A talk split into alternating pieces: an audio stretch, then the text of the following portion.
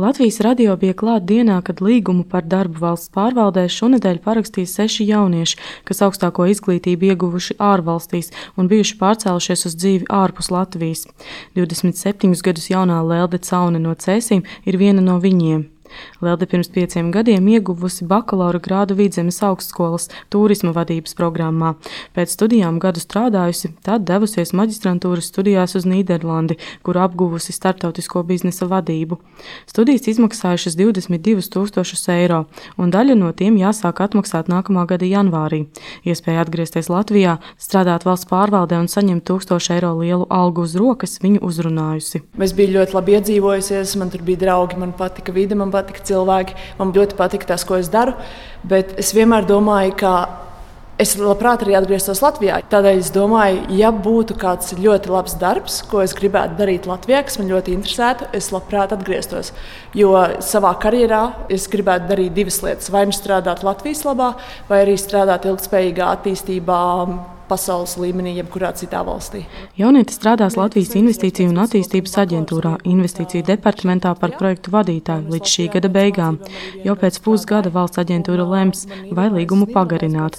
Šāda scenārija gadījumā Lelde izvēlētos Latvijā palikt pavisam. Noteikti sevi redzu ilgtermiņā Latvijā, veidojot ģimeni. Tā bija arī viena no tām lietām, par ko es domāju Nīderlandē. Vai es gribētu ka mana ģimene būtu Nīderlandē, un vai es gribētu, ka mani bērni mācītos Nīderlandē, un kā es par to justos. Es nebiju pārāk droša. Bet, ja runa ir par Latviju, tad es jutos droši. Valsts kancelēja pieteikšanos jauniešu reemigrācijas programmai izsludināja šī gada sākumā, un bija cerēts, ka desmit jaunieši darbu valsts pārvaldē varētu uzsākt jau maijā. Diemžēl līguma slēgšana aizkavējās līdz jūnijam. Kopumā reemigrācijas programmai pieteicās 143 jaunie profesionāļi. No viņiem darbu uzsākuši viens seši perspektīvākie, tostarp 24 gadus jaunais Kristaps Kalns no Liepājas. Viņš uz Lielbritāniju devies pirms pieciem gadiem pēc vidusskolas absolvēšanas. Manchesteras Universitātē mācījies datorzinātnes un biznesa vadību. Tur arī strādājis kā tīklu inženieris. Kristaps atzīst, nekad nebija apsvērs domu palikt Lielbritānijā pavisam. Es vienmēr uzskatīju, ka kaut kad es atgriezīšos, tas tikai bija laika jautājums un parādījās šī iespēja. Es uzskatīju, ka tā ir laba iespēja atgriezties. Nav varbūt tāda drošība šobrīd nu, no ilgtermiņā pēc šī gada beigām, bet es uzskatu, ka Galvenais ir iespēja dot, un tad es uzskatu, ka es viņu izmantošu. Turklāt līdzīgu iespēju vēlētos izmantot arī citi Kristapa draugi un vienaudži Lielbritānijā, kas tur devušies studēt pēc vidusskolas beigām. Daži no viņiem jau atgriezušies un uzsākuši darbu ārlietu ministrijā kā juristi, bet vairāk šādu iespēju vēl tikai meklē un gaida. Lielākā daļa skatās, kā varētu atgriezties mājās. Nav tāds noskaņojums, ka mēs tagad paliksim ārzemēs un tagad dzīvosim tur. Galvenais ir tā iespēja. Ir daudz tādu, kas arī uzskata, ka jāsakarē kaut kāda pieredze ārzemēs, un pēc tam viņi atgriezīsies un kaut ko veidos šeit savu biznesu, uzņēmējdarbību. Pēdējo 14 gadu laikā no Latvijas aizbraukuši aptuveni 238 tūkstoši, jeb katrs desmitais valsts iedzīvotājs. Tiesa nav atsevišķas statistikas par to, cik liela daļa aizbraucēju bijuši gados jauni cilvēki.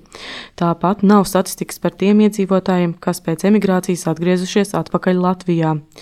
Jāpiebilst, ka kopējā reemigrācijas aktivitāšu plāna mērķis ir uzrunāt tos latviešus ārzemēs, kas apsver iespēju braukt atpakaļ un attīstīt Latvijā uzņēmējdarbību, veidot ciešākas biznesa saites ar valsti, tādējādi sildot arī valsts kopējo ekonomiku.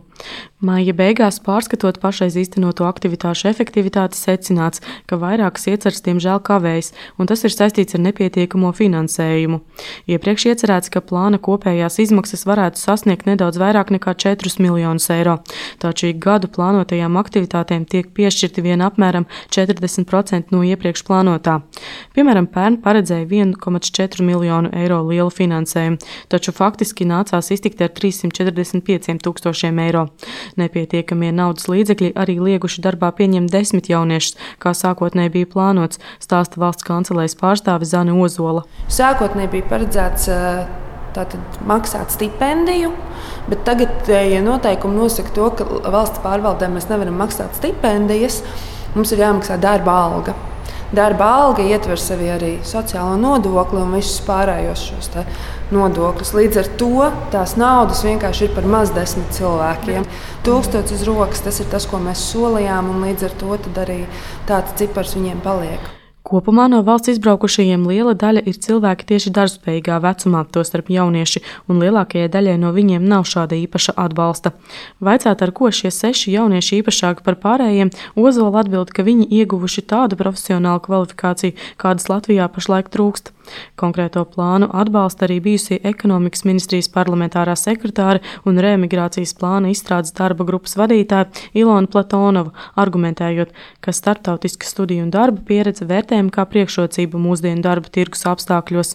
Piesaistot augsti kvalificētu darba spēku, nākotnē iespējams radīt jaunas darba vietas arī mazāk kvalificētiem darbiniekiem. Piemēram, radot vēl vienu papildus darba vietu inženierzinātnēs vai datorikā, visbiežāk rodas trīs papildus darba vietas viesnīcās, kafejnīcās, apkalpojošā sektorā.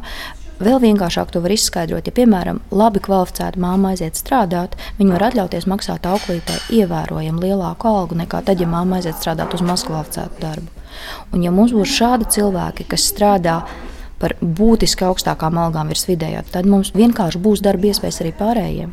Jo otrādi nenotiek, jūs varat radīt vēl piecas taksistu vakances, bet neradīsies vēl viena inženieru darba vieta. Turklāt 1000 eiro algas apmaksa šiem sešiem jauniešiem esot valsts budžetam lētākais variants. Citas valstis jauniešu profesionālās kvalifikācijas attīstīšanai tērējot krietni vairāk, stāsta Platonova. Šis plāns tika veidots ļoti realistisks. Tas, kas atbilst Latvijas valsts iespējām un tam, lai mēs nediskriminētu arī Latvijas iedzīvotājus, jo ļoti daudz no pasākumiem tika prasīti nu, ar tādu ļoti īpašu attieksmi pret izbraukušiem cilvēkiem. Bet, ja mēs skatāmies uz līdzīgiem pasākumiem, mums ir iespējama misija misija. Tas ir tieši tāds pats veids, kad jūs paņemat cilvēkus, kurus jūs ļoti, ļoti gribētu redzēt konkrētā vietā, bet kurus jūs nevarat savādāk atvilkt, un tad uz kādu laiku iemetat šajos apstākļos, un viņi var tur palikt, ja viņi atrod sevi šajā virzienā.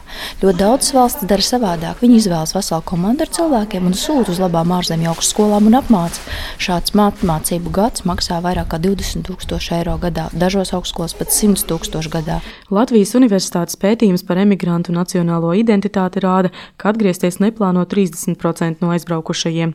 40% atgrieztos, ja spētu šeit labi nopelnīt vai strādāt atbilstoši iegūtajai kvalifikācijai. Būtiska loma ir arī sociālajai aizsardzībai un sadzīvei. Vienlaikus pretēji tendenci iezīmē interneta personāla atlases uzņēmuma CV online nesen veiktā aptauja. Tajā noskaidrots, ka gandrīz katrs ceturtais Latvijas jaunietis tuvākā gada laikā plāno doties pastāvīgi darba meklējumos uz kādu citu Eiropas valsti. Šī apsvēruma biežākie iemesli ir nepietiekama darba samaksa Latvijā, nespēja atrast savai kvalifikācijai atbilstošu darba pieredzi, kas raisa bažas par augsti kvalificētu speciālistu trūkumu tuvākā nākotnē, komentē CV online Latvija vadītājs Aivis Brodiņš. Mums ir diezgan slikti demogrāfiskie rādītāji, kā arī ir šis aizbraucēju skaits. Un, un tas arī nozīmē to, ka jau šobrīd darba devēja saskaras ar lielām grūtībām piesaistīt atbilstošus darbiniekus, un nākotnē tas būs vēl grūtāk. Absolūtais vairākums, 75% no tiem, kas plāno doties uz ārvalstīm, viņi plāno meklēt tieši pastāvīgu darbu. Tādējādi liela daļa no viņiem visticamāk tuvākajā laikā arī Latvijā neatgriezīsies. Pienāks brīdis, apmēram 17, 18 gadā, kad tiešām šī darba spēka sāks ļoti akūti trūkt. Tad mēs, protams, runāsim par pavisam citu situāciju. Man ļoti negribētos, lai uzņēmēji vienīgā iespēja būtu vest iekšā cilvēkus no austrumiem, bet lai viņi darītu visu iespējamo, lai mēs atgrieztu arī kādus no cilvēkiem, kas ir aizbraukuši uz rietumiem. Piekrīt bijusī ekonomikas ministrijas parlamentārā sekretāra. Viņa arī uzskata, ka vairākās profesijās jaunieši iegūst augstāko izglītību, taču pēc konkrētās jomas valstī pašlaik nav pieprasījums. Tāpēc jaunie cilvēki, kuri vēl Latvijā nav izveidojuši ģimeni, izvēlas doties prom. Arī jaunā Latvijas Investīciju un attīstības aģentūras projekta vadītāja Lielde Caune atzīst, liela daļa viņas latviešu paziņu Nīderlandē jau izveidojuši ģimeni un tagad atgriezties vairs neplāno. Mani latviešu draugi Nīderlandē visi jau ir precējušies ar ārzemnieku, un viņiem tur jau ir ģimene. Tādēļ viņi nemeklē darbu kaut kur citur, un pat ja viņi meklētu, tad tas būtu jāapspriež kopā ar vīru vai sievu. Tie cilvēki, kas uh, nav attiecībās, tie pašlaik arī nemeklē darbu ārpus Nīderlandes. Viņi vēl nav pavadījuši Nīderlandē tik ilgu laiku, lai sāktu domāt, ka varbūt ir laiks atgriezties Latvijā vai braukt uz citu valsti. 137 darbā nepieņemto jauniešu motivācijas un pieteikuma vēstules valsts kancelē nodevusi darba devēja konfederācijai un atzīst, ka par ārzemju jauniešu algošanu jau interesējušies arī vairāki privātie uzņēmēji. Tāpat plānots, ka arī nākamgad darbu valsts pārvaldē varēs uzsākt vēl seši emigrējušie jaunieši - Vīta Anstrate, Latvijas radio.